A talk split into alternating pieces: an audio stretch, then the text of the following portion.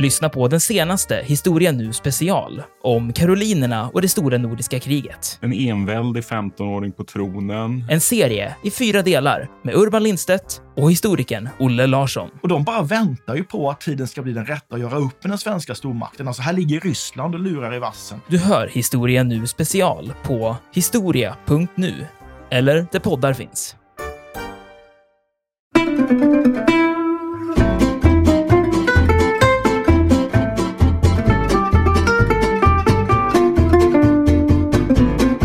De här statyerna som kommer under 1800-talet, de har ju oftast ett vad säger, moraliskt eller politiskt budskap. Alltså de, de, de, de är väldigt tydliga. De inte, det ska inte vara några tolkningsbara allegorier. Det, ska inte vara, det får inte vara för konstnärligt svårt att begripa dem. De är väldigt straightforward. Här har vi en person som gjorde någonting bra. Det här är en förebild. Det ska vi sträva efter. Eh, hur såg det ut i Sverige och Norden vid den här tiden? Eh, om man jämför det med Europa, hur ser det svenska och nordiska statyresandet ut? Ja, just det. Um, alltså jag tror tyvärr då att jag måste börja med att bryta lite grann mot din finfina kronologi här, Olle. Om, alltså du sa ju det här, det nordiska. Eh, och det är min cue. Eh, jag tror faktiskt tyvärr då att jag måste börja med dansken som vanligt.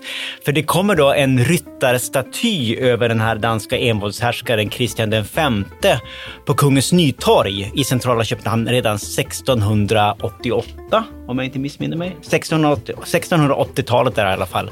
Och det är faktiskt hela hundra år före vi får vår första så här utomhusstaty av en kung, alltså Gustav Vasa som kommer där på riddar, utanför Riddarhuset. Han står utanför Av- Riddarhuset. Av, av alla ställen. Och Gustav III kom ju ungefär eh, samtidigt, alltså tidigt 1800-tal. Ja, ja precis.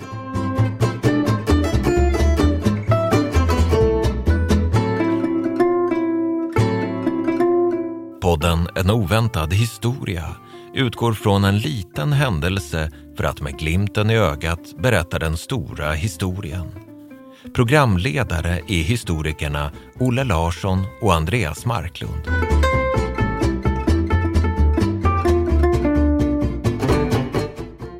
Hej Andreas! Tjena Olle!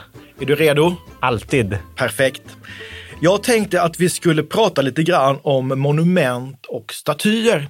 För jag tycker att det är väldigt intressant med just hur historia eh, manifesterar sig i det offentliga rummet. Det här med makten över minnet. Vem är det som avgör vad som ska få finnas och vad som ska plockas bort? Vem är det som avgör vad monument eller minnesmärken egentligen betyder? Så det tänker jag med att vi skulle kunna samtala lite om idag. Det är ett jättespännande ämne. Väldigt aktuellt. Absolut. Eh, vi är historiker både du och jag. Och Onekligen. vi, och vi är ju rätt, kanske då, man har, man har ju på liksom eh, spaningen när man går ut i en stad till exempel, Ja, tittar sig omkring. Vem är det som står staty? Vad heter gator? Eh, vad är det som finns kvar då i, i form av minnespolitik? Ja. Har du något sånt här favoritmonument som du liksom, men skulle säga, vilket är ditt favoritmonument? Det är ju svårt.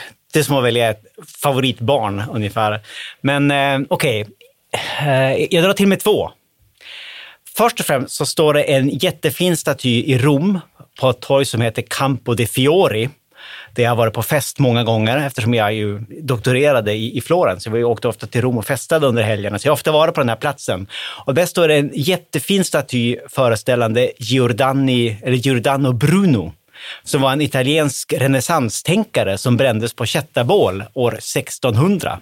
Dels är det bara en väldigt, väldigt snygg staty. Alltså, Bruno har liksom en, en kåpa. Han liknar en, en jediriddare eller en fantasymagiker eller något sånt där. Och så är det, tycker jag, den, den den står för något viktigt. Det är liksom kampen för tankens frihet mot alla former av förtryck egentligen. Och så har jag då min andra då. Det, det, det, det är lite speciellt. Jag har även bott i Bryssel då och sett otroligt många första världskrigsmonument där och även på andra ställen i Europa.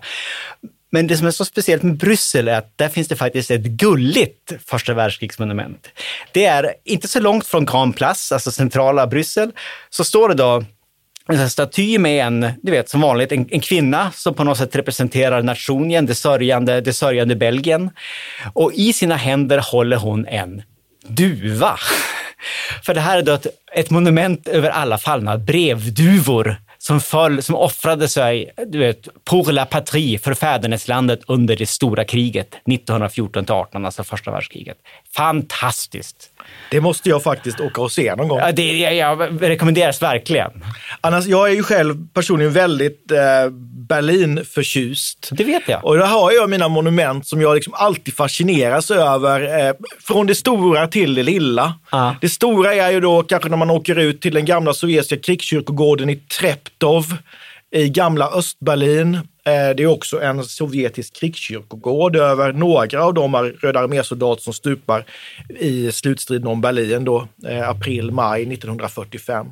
Men där finns det ju ett gigantisk, en gigantisk staty i röd granit föreställande en Röda armésoldat som i famnen håller ett barn symboliserande Europas framtid och krossar ett hakkors under sin vänstra stövel.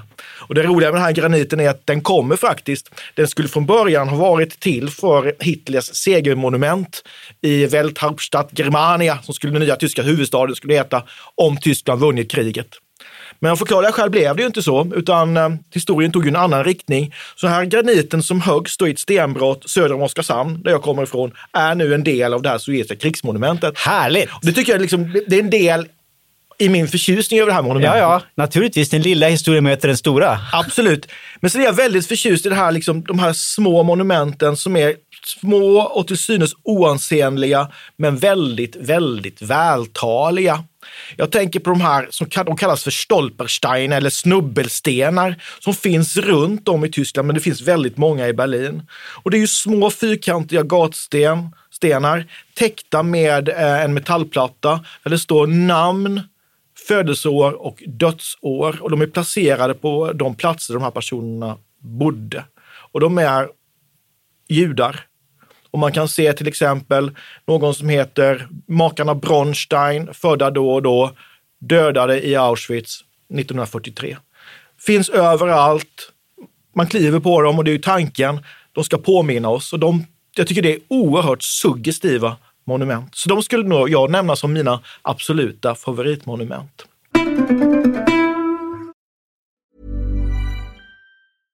Hey, I'm Ryan Reynolds. At Mint Mobile, we like to do the opposite of what Big Wireless does. They charge you a lot, we charge you a little. So naturally, when they announced they'd be raising their prices due to inflation, we decided to deflate our prices due to not hating you. That's right. We're cutting the price of Mint Unlimited from $30 a month to just $15 a month.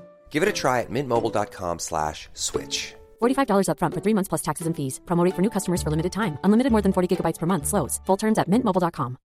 Here's a cool fact a crocodile can't stick out its tongue. Another cool fact you can get short term health insurance for a month or just under a year in some states. United Healthcare short term insurance plans are designed for people who are between jobs, coming off their parents' plan, or turning a side hustle into a full time gig. Underwritten by Golden Rule Insurance Company, they offer flexible, budget friendly coverage with access to a nationwide network of doctors and hospitals.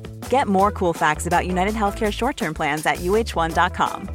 I'm Sandra, and I'm just the professional your small business was looking for. But you didn't hire me because you didn't use LinkedIn jobs. LinkedIn has professionals you can't find anywhere else, including those who aren't actively looking for a new job but might be open to the perfect role, like me. In a given month, over 70% of LinkedIn users don't visit other leading job sites. So if you're not looking on LinkedIn, you'll miss out on great candidates like Sandra. Start hiring professionals like a professional. Post your free job on linkedin.com/people today.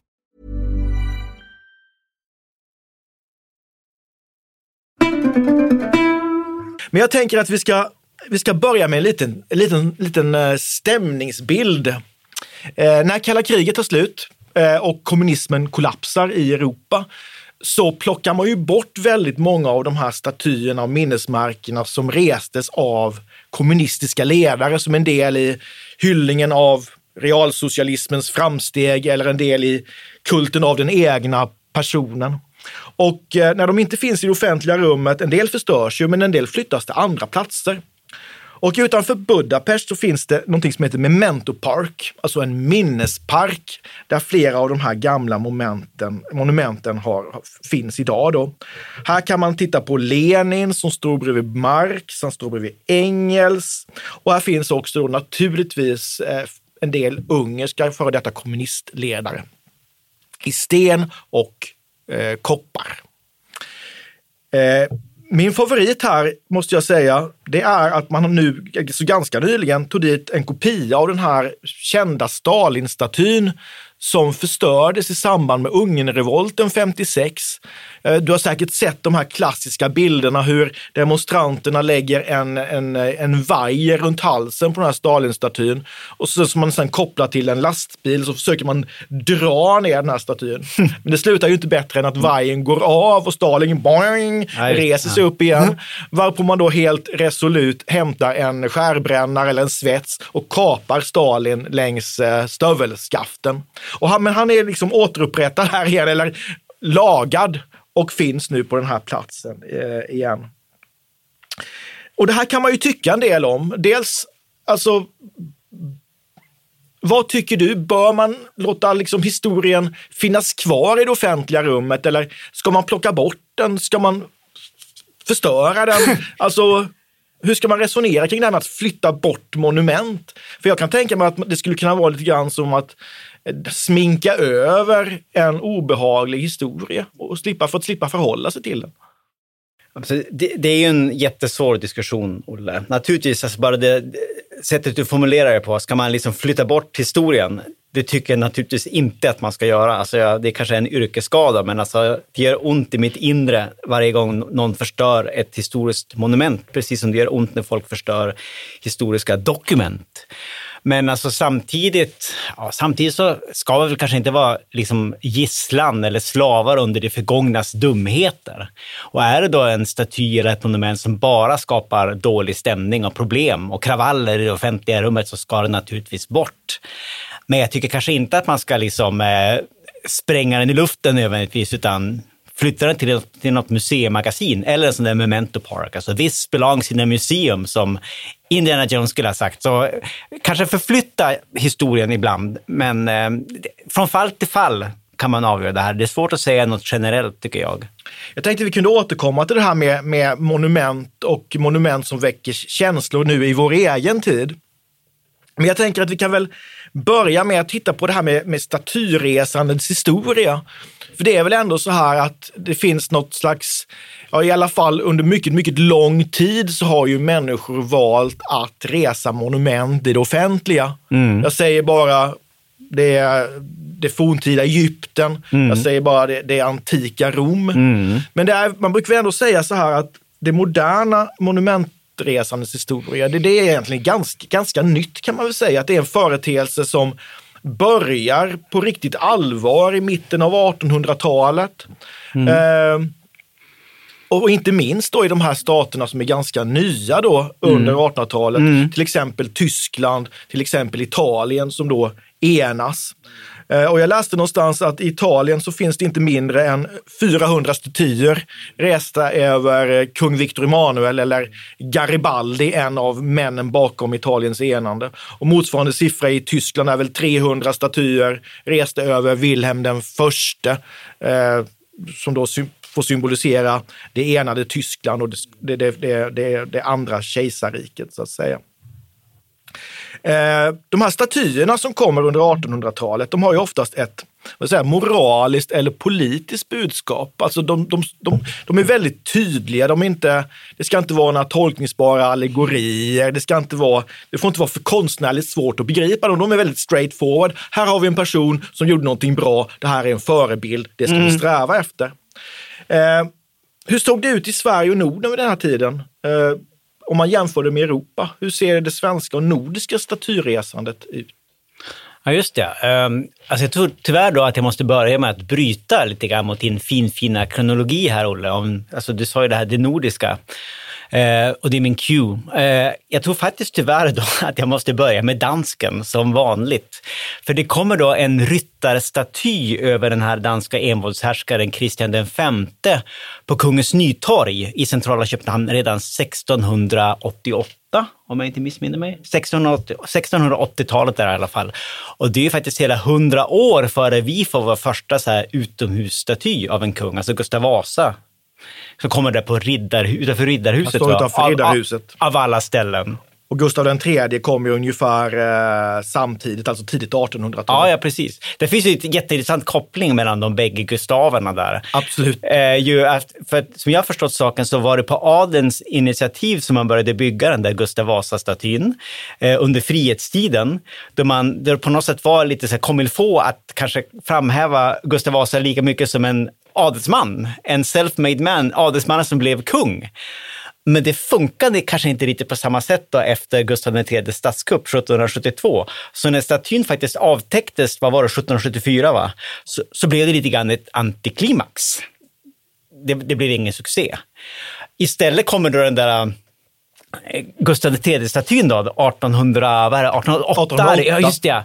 Den, den Krigsåret 1808. Ja, exakt, exakt. Det, det är ju jätteintressant koppling där. För den, det, till att börja med, så den avtäcks väl någon månad innan finska kriget börjar. Det är alldeles i början av 1808. Och den visar ju Gustav III när han kommer hem då som någon slags närmast romersk triumfator. Va? Det står ju där på Slottskajen. Va? Han kommer är skitsnygg och bombastisk och kommer hem efter Gustav IIIs ryska krig där 1788 till 1790 som en segerherre. Och kort därefter så inleds det här katastrofala finska kriget, vilket är en av historiens många ironier. Ja, precis. Och slutet för den gustavianska tiden i Sverige. Ja, det är precis, det är hans son som är den drivande parten och han är kung i ungefär ett år till, sen skickas han i landsflykt. Sen, som överste Gustafsson. Exakt. Och dör under besvärliga omständigheter i Aschen, tror jag. Eh, Exakt. Överste exakt. Gustafsson. Exakt, ensam och försupen. Men jag tänker på det du säger med det här gamla danska monumentet då, 1680-talet. Ja. Då skulle jag kanske kunna dra en, lans för de svenska monumenten och säga att vi har, det, det står förvisso inte utomhus, men det står ju i Storkyrkan i Stockholm. Det. Och det är ju Sankt Göran och draken, Just den här det. skulpturen av Bernt Nocke. Eh, som görs då på 1400-talets slut Ja. som, en, eh, som ett minne över den svenska segern i slaget vid Brunkeberg Ja. 10 oktober 1471. Just det. Där Sankt Göran symboliserar svenskarna och draken är då det danska. Ja, exakt, exakt. Vi återkommer ofta till det här väldigt viktiga slaget i våra program. Abs- Och ja, det är märkligt. Ja, det, det, det är en fantastisk staty, men det är då en inomhusstaty, ska vi då kanske påpeka. För annars är det ju just det att det är väldigt mycket kungastatyer just Ja. Mm. i början. Och eh, under, också under tidigt 1800-tal eller 1800-talets första hälft så är det ju snarare så att det man lyfter fram hos kungarna, det är ju deras krigiska bragder. Mm. Det är ju det som är viktigt. Och sen så, säger kring 1800-talets mitt, så fortsätter man att göra kungastatyer. Mm. Men då, då laddar man dem lite grann med ett annat innehåll. Mm. Då är det ju snarare så att det är kungens alltså fredliga bedrifter Ja. som, som, som betonas. Alltså, det är ju det man lyfter fram när eh, man gör statyn över Karl XIV Johan och Mm. Eh, över Gustav II Adolf. De är ungefär samtida 1850-talets början. Ja, det är stadsbyggaren Gustav II. Stadsbyggaren och Ja. fredliga näringarnas Ja. expansion. Ja, ja. Stadsgrundandet Ja, han pekar väl ner mot torget och säger här ska staden ligga. Precis, här ska det vara. Men jag tänkte just eh, Karl XIV Johan, den är väl det är lite sann modifikation. Jag vet den framhävs ofta som en så här fredlig kungastaty, men han har väl ändå en fältmarskalksstav. Det har han. Det har han. Men det, det, det, det är nog inte primärt ändå liksom fältherren och den, han som kommenderade eh, Nordarmén mot Napoleon i slaget vid. Leipzig Nej, just det. 1813, utan det är ändå den, den, den, hans fredliga gärningar som man mer vill lyfta fram. Han har inte dragen värja. Det har han inte. Till skillnad från kungen i Kungsan. Precis. Gjord 1868, Ja. tror jag. Ja, precis. Ja. precis. Vilket också strider lite grann mot det här med det fredliga. Men alltså, han var ju ett, ett unikum, kan man väl säga, Karl XII på många sätt. Men han står ju med dragen värja och pekar ganska krigiskt mot Ryssland. Österut. Ja, exakt. exakt. Men där står ju en annan Karl också i Kungsträdgården. Ja, den trettonde. Den 13, ja. Och det här som, det heter, numera heter det väl Karl XIIs torg. Ja. Då het, I början hette det faktiskt Karl XIII torg. Det var en annan kung i Kungsan. För han står väl där tidigare? Ja, det är redan, vad är det, 1821? Det tror jag, så. Karl XII kommer efteråt. Ja, ja, precis. Och, och tar massa spotlight. Och sen kommer ju det här ganska elaka uttrycket då i början på, det är väl någon skribent i början på 1900-talet som beskriver de här statyerna. Ja. Karl XII står ju där omgiven av eh, mösare, alltså Ja. kraftiga artilleripjäser Ja. som faktiskt ser ut som krukor. Ja, just och då det. säger man att där står liksom en, en, en kung omgiven av, ett lejon omgiven av krukor. Ja, just det. På Just Karl det. XIII staty så har han ju lejon runt omkring Just sig.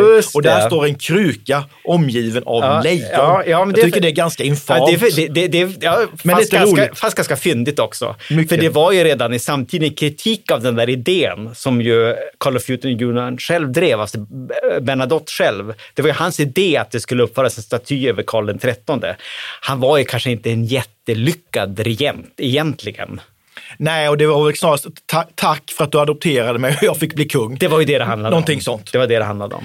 Men jag tänker på, om man flyttar framåt lite grann på 1800-talet så får ju liksom kungarna på något sätt konkurrens i det offentliga rummet. Just det, ja. Man börjar resa statyer över icke-kungligheter. På något sätt så är det ju som att eh, börd blir mindre viktigt än, duglighet och det man de facto har gjort. Ja, Vad har vi för några sådana statyer i det offentliga rummet som symboliserar någonting annat? Ja, jag tänker då utanför, på, på, utanför centralen, där hamnar man ju ofta i Stockholm, så ser man ju den här Nils Eriksson som är väl liksom eh, järnvägarnas, järnvägsnätets skapare. Skapade han inte det svenska stambanenätet tror jag där i mitten av 1800-talet? Han är i alla fall mycket associerad med järnvägar. Så I- placeringen där är ju ingen, ingen slump. Precis, precis. Och han är ju då naturligtvis, han är ingenjör. Alltså han visar lite grann att vi har kommit in där andra hälften av 1800-talet i ingenjörernas tidsålder. Där liksom ingenjörerna blir det nya prästerskapet på många sätt. Och hans brorsa eh, John Eriksson va, står väl också någonstans, är det kanske till och med i Göteborg? Ja, det är Göteborg. Eh, Han är ju inte lika känd i Svedala, men han är ju rätt känd i USA. För han var ju sån där emigrant som flyttade over there, uppfann en massa saker, bland annat då något slav, pansarskepp va? Merrimack. Ja, exakt. Eller Monitor. Något av dem. Något Nå- av något, av, slag, Nå- något av dem. krigsfartyg på M som var med i amerikanska inbördeskriget. Ja, precis på rätt sida. Monitor tror ja, jag. På, på unionens sida, nordstaternas sida, exakt. Eh, Så det är ju så här ingenjörer, det är, liksom, det är, ju onekligen ett tidens, tidens tecken. Och även då Jakob Berzelius, kemikern där, och vad heter han? Esaias Tegnér. Hur kunde jag glömma det namnet? När det sitter en Växjöbo Ja, här. exakt. Och vi befinner oss i Lund av alla ställen. Och det är ganska intressant för att han står ju också för något annat än, än det där krigiska. Han är ju vetenskapsmannen Ja. och, och poeten, den hyllade skalden och akademiledamoten som Exakt. är någonting annat än det här krigiskt kungliga. Men hamnar lite grann i dåligt sällskap, men det kanske vi ska återkomma till lite senare. Va? Hey, folks, I'm Mark Marin from the WTF Podcast, and this episode is brought to you by Kleenex Ultra Soft Tissues, your ally to help tackle your allergy symptoms this season. I love the change of seasons, but nobody loves pollen and all those other things floating in the air that make you sneeze during this nice weather. Kleenex Ultra Soft Tissues are hypoallergenic and allergist approved, so fight back against watery eyes and runny noses without worrying about irritating your skin. For this allergy season, grab Kleenex and face allergies head on.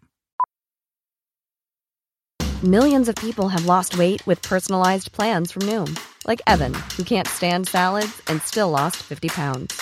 Salads, generally, for most people, are the easy button, right?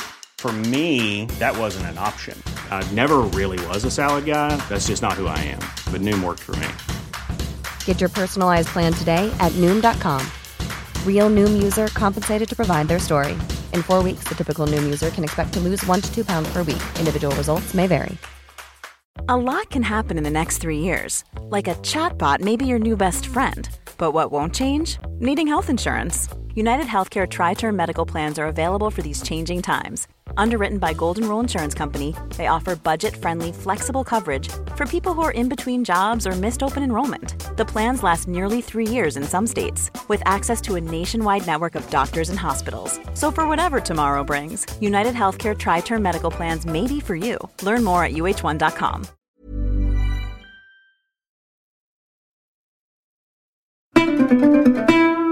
Kring den här kungen i Kungsan, Karl XII, så uppstår det ju liksom ganska mycket kravaller på 80-talet och 90-talet. Och i Lund är det väl det- kring det- Esaias Tegnér? Absolut, och det gör det ju av samma skäl, att de har kommit att associeras med någon slags storsvenskt, eh, nationalistiskt, Karl XII för sitt krig mot, mot, eh, mot, mot Ryssland och Ja. kampen för det svenska som man, man trodde att det var då. Precis. Och han har ju dyrkats av högerextrema. Ja. Och den, det spiller ju över på Tegnér också, som skrev dikten Kung Karl den unge hjälte och Just så det, vidare. exakt. Och därför blev eh, även Isaias Tegnér en, eh, en, en högerextrem ikon, får man ju ja, säga. Vilket ju är lite ironiskt. Och det där är ju intressant och det kan vi komma in på nu, alltså just det här med hur vi laddar statyer med betydelser. Ja. För det var ju ingen som reste en staty över Esaias Tegnér för att han skulle associeras med någon form av, av svenskhet och nationalism när den här statyn skapas. Utan det, ju, det, är ju, det är ju en viss grupp som fyller den med det här innehållet. Och jag tänker på det just det här med att, med, att jag personligen kan ha, jag delar din uppfattning att man bör inte förstöra vare sig monument eller minnesmärken eller dokument. Men på något sätt kan jag förstå att man flyttar bort eh, alltså totalitära ledare eh, när, sam, när, när, när deras tid har kommit till ända och samhällen demokratiseras. Jag kan förstå att man river eller raserar statyer i östblocket efter kommunismens fall. Jag förstår att man plockar bort eh, statyer i Nazityskland föreställande Hitler och andra Mm. nazistiska koryféer. Eh, därför man vill visa att någonting nytt börjar. Det är ju, det är ju väldigt viktig symbolpolitik detta. Mm. Och jag tänker på hur vi såg det här i närtid, eller närtid och närtid, men 2003 i samband med kriget i Irak. Hur amerikanska soldater eh, förstör den här Saddam statyn då på Firdustorget i, i Bagdad. För där vill man ju också visa att det, är, här börjar någonting nytt.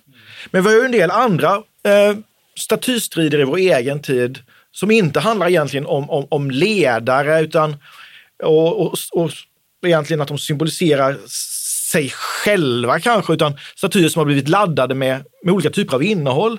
Och det har då le- lett till oroligheter. Vad har vi för sådana här statystrider eller staty, ja, kamper i vår egen tid? Ja, och det som poppar upp i mitt huvud det är naturligtvis eh, den där sydstatsgeneralen, general, alltså Robert Lee, Lee, general Lee och hans häst Traveller. Traveller. Vad var det, 2017 var det va? I Charlottesville. Ja. Där eh, Trump bland annat gjorde sig, vad I ska man Virgin- säga? Virginia. Ja, exakt. Precis, precis. De gamla Där- sydstaterna. Precis, och där, vad var det som hände där? Det var kommunstyrelsen va, som ville flytta den här statyn på grund av att den hade ju ganska uppenbara associationer till eh, eh, slaveriets historia och rasism i största allmänhet. Eh, och jag tror också att man döpte om parken som jag minns det, alltså från Lee Park till något annat. Kan det vara Emancipation Park? eller Någonting något sånt. Ja, precis, med mer positiv konnotation.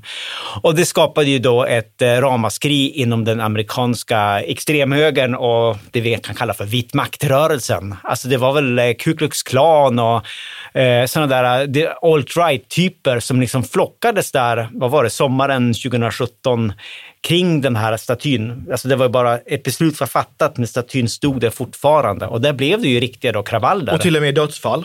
Ja, just det. Det var en galning som körde bilen rakt in i en folkmassa fylld av eh, folk, motdemonstranter. Då. Just precis. Och det var ju just det här med, där, där symboliserades, nu säger Robert E. Lee, det var sydstatsgeneralen för, alltså eh, slaveriets förespråkare och det var ju det som de som ville ha bort Lee lyfte fram. Mm. Men de som ville ha kvar Lee såg honom för kanske ja, alt-right som du säger, alltså delstaternas egen frihet, Ja. bort från det federala. Jo, precis.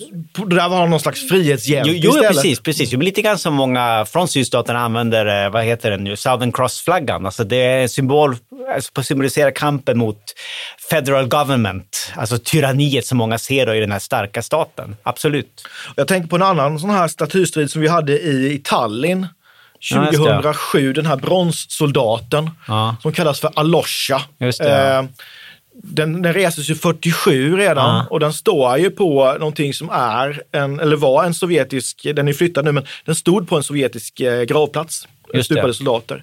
Och när man reser den då så har ju, så har ju eh, Estland blivit en del av Sovjetimperiet efter andra världskriget. Och då reser Sovjetstaten den här statyn för att visa på Estlands befrielse då från tyskarna. Men för, och, och Röda arméns hjältemodiga kamp. Men för estländarna själva så symboliserar det här någonting annat. Mm. Nämligen hur man hamnade under sovjetiskt förtryck. Och det här ligger ju och bubblar under ytan och så bestämmer man sig att man ska flytta den här då statyn 2007 från den här platsen till en, eh, en kyrkogård som tillhör det estniska försvaret. Och det väcker oerhört ont blod och just hos den ryska eh, minoriteten i. Estland som ser det här som att här flyttar man, här flyttar man bort Röda arméns hjältemodiga kamp. Ja. Medan de som var för förflyttningen såg att här flyttar vi bort symbolen för det sovjetiska förtrycket. Ja, precis. De uppfattar väl också lite grann som ett, ett angrepp mot deras medborgerliga rättigheter. Va? Det handlar väl också om det. Alltså, de, eh, det var inte nödvändigtvis den kommunistiska delen, Röda armé-aspekten som de hyllade. Det handlar ju om det, den ryska etniciteten. ryska. Ja, precis. Det ryska. Det ryskas rätt att existera I även i Estland. det offentliga rummet Ja, i, i exakt, Estland. Exakt, det är jättekomplext. Men Och det här var ju en av, det var ju en jättekravall, en av de största i Estlands moderna historia. Ja, det var också dödsfall. Ja, och den kallas ju då för, för bronsnatten, Just det här det. när, när, när den här konflikten, Nights. Br- Bronze Night. Och det finns ju flera, jag menar, man har ju, det finns ju disk- diskussioner om att flytta, ta bort, statyer av Churchill. Ja. Man, och för han är ju också en sån som laddas med olika innehåll. Vissa ser, när han får statyn så är han ju, den, man reser statyn över Churchill i egenskap av den som vinner andra världskriget åt britterna. Mm. Samtidigt som eh, andra fyller honom med ett rasistiskt innehåll och därför bör han bort. Mm. Eh, vad säger du? Alltså, för det blir ju lite knepigt. Jag tänker på Linné-debatten vi hade i Mm. Sverige och att Linné var rasism och förespråkare för rasbiologi och det här. Mm. Eh, det blir ju knepigt när, man, när vi laddar statyerna med vår egen tids värdegrund. Mm. När de är resta i en tid som symboliserar någonting annat. Hur tycker du man ska tänka kring det? Kan vi föra över vår tids värderingar på eh, forna tiders statyer? Och vad får det för implikationer för våra, vårt syn på grekiska och Ja. egyptiska monument? Nej, men alltså knepigt var ordet. Alltså, som sagt var, jag är absolut inte någon bildstormare själv. Alltså, jag tycker man ska bevara så mycket som möjligt egentligen. Men alltså, man får avgöra från fall till fall, för vi ska heller inte... Alltså, för, för liksom att, det går inte att komma ifrån att de är ju närvarande i nuet. Och det är ju liksom oundvikligt att var tid liksom skriver sin egen historia på, de där, på ytan av de här monumenten. Ehm, och jag tycker personligen då att det är något positivt att, eh, och, och viktigt liksom att påminnas om att historien faktiskt är komplex. Att historien också innehåller liksom svärta, jobbiga kapitel. Eh, jag har ju själv bott i Bryssel, vilket jag ju nämner ibland här i programmet.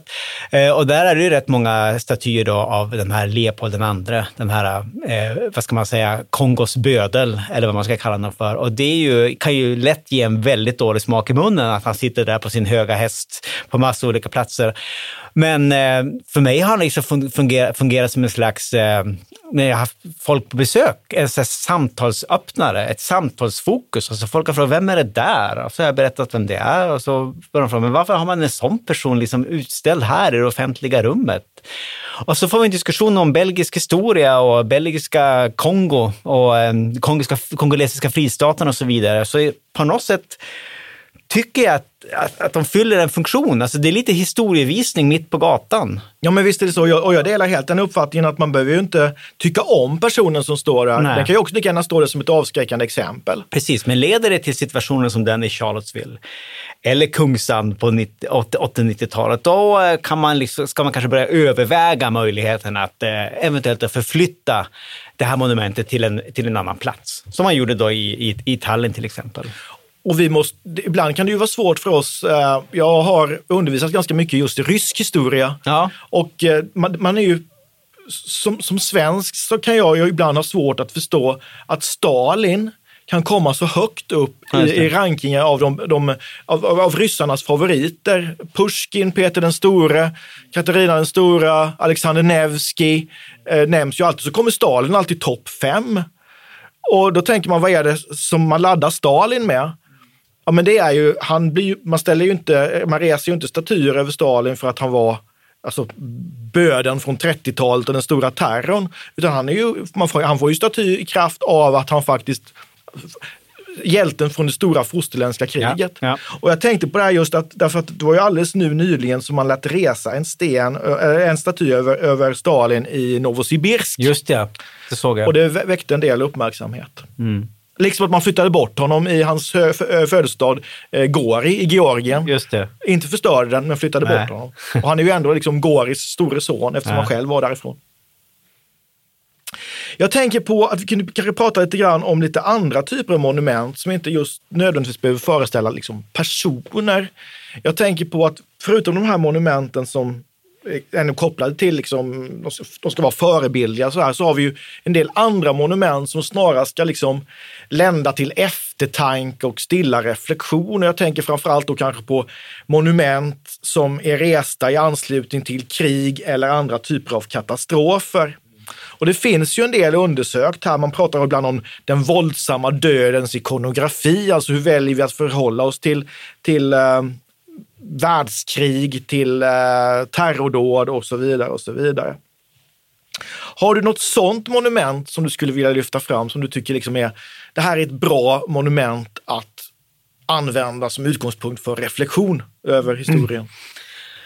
Jo, men alltså massor som vanligt. Alltså återigen Bryssel, eh, där är det ju liksom varje kvarter eller stadsdel har ju sitt, eh, sitt eget monument över första världskrigets fallna, eller världskrigens. Alltså någonting av det som, något, något av det som är både väldigt fascinerande men också väldigt läskigt tycker jag med det där är att det är ju monument som har rests efter första världskriget, La Grande Guerre, det stora kriget, där det står då en sån här kvinna som håller i en fallen soldat i armarna nationen sörjer över sina fallna. Och så står det något namn på då fallna personer från det aktuella kvarteret ganska högt uppe, kanske på någon sköld eller någonting. Och så har man liksom bara hackat in på socken, har man då hackat in namnen på alla fallna från andra världskriget. Alltså, och det är ofta då ännu fler. It goes on and on and on. Så det, och, och de här monumenten kan man ju se inte bara på olika platser i Bryssel. De är liksom i varje liten fransk stad du åker omkring i, så har de ett eller två monument över första världskrigets och andra världskrigets fallna. Men du, du pratade också om, om, om eh, det, det finns det är både sorg och något nästan här militäriskt triumferande över många av de här monumenten från den första delen av 1900-talet tycker jag. Det övergår ju då senare under 90-talet till något mer abstrakt så det, som, det, andra som poppade upp i mitt huvud när du ställde den här frågan, det var ju naturligtvis den här, eh, vad heter den, veteranmuren va? Som finns i, i Washington. Washington ja. ja. Som är bara helt svart med massa namn på, som kom tror jag i början av 80-talet. Det är ju då över eh, Vietnamkrigets fallna. Det, det känns som ett mer nutida uttryck. Jag tänker också på Peter Eisenmans, det här, jag återvänder alltid till Berlin känner ja. jag, men det här fantastiska monumentet med två, över 2000 stenblock i centrala Berlin Just som det. är ett monument över Europas dödade judar. För det är ju för mig, alltså jag har ju guidat ganska mycket med grupper i Berlin och det händer någonting med människor när man går in i det här monumentet. Man kan ju gå in i det bland de här stenblocken. Och man tappar ju egentligen perspektiv på vad man är, utan det är ett väldigt bra rum just för reflektion. Mm. Och vad det gäller krigsmonument så har jag en annan favorit i Berlin som är alltså ett exempel på hur monument laddas med olika betydelse. Mm. Och det är det här monumentet eh, Neue Wache eh, i gamla Östberlin. En staty gjord av Käthe Kollwitz, en sån här pietà-staty mm. som görs efter första världskriget eh, i den här allmänna föreställningen om att det ska aldrig mera bli krig. Ni vid krig, moden som sörjer sin döde son. Mm, mm. Som under mellankrigstiden var just ett monument för att minnas de döda i första världskriget. Som förvandlas under nazisttiden till att bli ett monument över den ärofulla döden på slagfältet som sen då efter andra världskriget kommer då att ham som ham då hamnade det här monumentet i Östberlin och då blir det ett monument över fascismens offer. Och så återförenas Tyskland med Berlin som eh, enad huvudstad och då blir monumentet som det är idag, då, ett, ett minnesmärke över offer för totalitära ideologier. Mm. Alltså jag tycker det är ett så bra exempel mm. på hur varje tid fyller monumenten mm. med sin egen betydelse. Mm. Men jag tänker också på vad vi har också nu. Det man kan ju se, det har, det har ju uppkommit en ny typ av turism, eller ny, ny typ av turism, men det har blivit väldigt populärt att besöka just historiska platser, alltså mm. platser som är intressanta därför att det var här det hände. Alltså någon slags platsens magi. Mm. Och det här kan man ju tycka olika saker om, för det handlar ju ganska ofta om koncentrationslägesturism och det handlar om slagfältsturism och det här kallas ju också då följaktligen för dark tourism. Eh, hur ser du på det? Alltså, vad är det som lockar med de här platserna? Det här med dark tourism. Ja, återigen ett ganska komplext ämne tycker jag, för jag är en av de som i alla fall i viss utsträckning lockas av de här platserna eftersom jag är en historienörd. Jag erkänner det också. ja, men alltså, det handlar väl om att eh, historien känns på något sätt ganska förtätad på de här platserna. Alltså, har man läst mycket om de här platserna, det gör man ju ofta om det är liksom platser som förknippas med dramatiska händelser så känns det lite grann som om man hamnar där. Eh, det här med att du vet, höra historiens vingslag, det kan man göra på de där platserna. Men alltså det, det behöver inte vara en, en mörk plats. Det kan också vara Versailles eller Sixtinska kapellet. Precis som det också kan vara då Auschwitz-Birkenau eller Omaha Beach. Problemet är ju delvis om det blir för mycket tingeltangel och kommers omkring det där tycker jag. För att det här är ju också platser där väldigt många människor då ofta har mött en väldigt ond bråd död. Alltså man knallar ju närmast bokstavligen omkring på benknotor tillhörande eh, alltså, slaktade människor. Alltså det är en slags mausoleer. Och där blir det lite problematiskt kanske. Men jag tror att det är som det, det spelar ingen roll, liksom, det behöver inte vara den här blodiga typen av händelse, men jag tror att det är känslan just att det här är den autentiska platsen. Precis. Det här är den verkliga platsen och det finns, och den går liksom inte att ersätta någon annanstans. Sen Nej, håller jag med dig, jag har oerhört svårt för när man ibland, så man kan, man kan ju hantera en, en, en, en, en, en plågsam historia på olika sätt. Ja. Och jag har väldigt svårt ibland när man estetiserar det här plågsamma. Exakt. Jag har mycket svårt återigen för Berlin, det här när, när kommunismen blir kitsch, ja. när Berlinmuren blir någonting roligt, ja, och när exakt. sovjetiska stövlar och gasmasker blir någonting kul. Precis, För det är det inte. Nej, exakt. Och det var det inte. Exakt, det är som varje italiensk stad har sitt eget tortyrmuseum. Eh, det, det, det, är lite grann samma grej tycker jag. Alltså det där är, det är inte roligt. Det är inte det är roligt. Smak, det är smaklöst. Hörde du, jag tänker att vi, vi är ju historiker både du och jag, eh, men jag tänker att vi kan försöka vara lite framåtblickande. Usch! Usch! Men det här, jag, jag inledde ju med att säga att mon, människor förmodligen i alla tider har rest liksom, monument eh, över personer, händelser och sådär. Kommer vi fortsätta resa monument i framtiden? Hur kommer de se ut? Och över vad? Det var bra va? Ja, ja jättebra. Eh, och du förväntar dig att jag ska ge ett bra svar på Absolut. det här? Herregud. Ja, jag vet inte. Alltså monument, ja, men det är inte säkert att det kommer... Det kommer inte vara ryttarstatyer. Det, det, det kanske vi är överens om. Uh, och jag tänkte, något som jag faktiskt tänkte på tidigare redan när vi pratade om de där uh, statyerna från sena 1800-talet då börd inte längre var lika viktigt. Då kunde jag inte låta bli att tänka på ordet kön, genus. Det är ju rätt många av de där statyerna, trots allt som föreställer män. Hur många kvinnor är utställda i det offentliga rummet i Sverige idag? Eh, mycket få. Mycket få. Vad, vad, vad, är det? Det är typ 10-20 eh, procent max av statyerna. Det är Astrid Lindgren, det är, eh, vad är det, Selma Lagerlöf någonstans och så Kristina Gyllenstierna. Precis. Uh, Stockholms så, försvarare under unionskrigen. Uh, så det kan man bara hoppas att det kanske breddas lite grann på det sättet. Men jag tror kanske att det mer kommer att vara breda företeelser, kanske mer, jag vet inte, typ internet ja. Eh, kanske förtjänar sitt monument. Eh, och det kanske inte bara blir, det kanske inte blir ett, eh, du vet, en klassisk staty. Hur sjutton skulle den se ut? Ett staty över internet. Det kanske blir något, det kan bli något digitalt eller mer ett, ett abstrakt konstverk. Det skulle passa bra just om det handlade om internet. Ja, och... Men jag tror att det är så att man får nog avvakta med den frågan för att det är inte alltid vi här och nu kan avgöra vad som, är bety- vad som händer nu som är betydelsefullt i, i, i framtiden. Och som någon klok person sa att bara för att man befinner sig i huset som brinner så behöver man inte vara den som är bäst skickad att förstå var någonstans eldsvådan började. Just det. Ska vi ta det som en liten avslutning? Utmärkt. Den som lever får se helt enkelt. Tack för idag Andreas. Tack Olle. Vi tackar programledarna Olle Larsson och Andreas Marklund. Kontakta gärna Olle och Andreas på ovantad.historia.nu. Vi läser allt men hinner kanske inte alltid svara.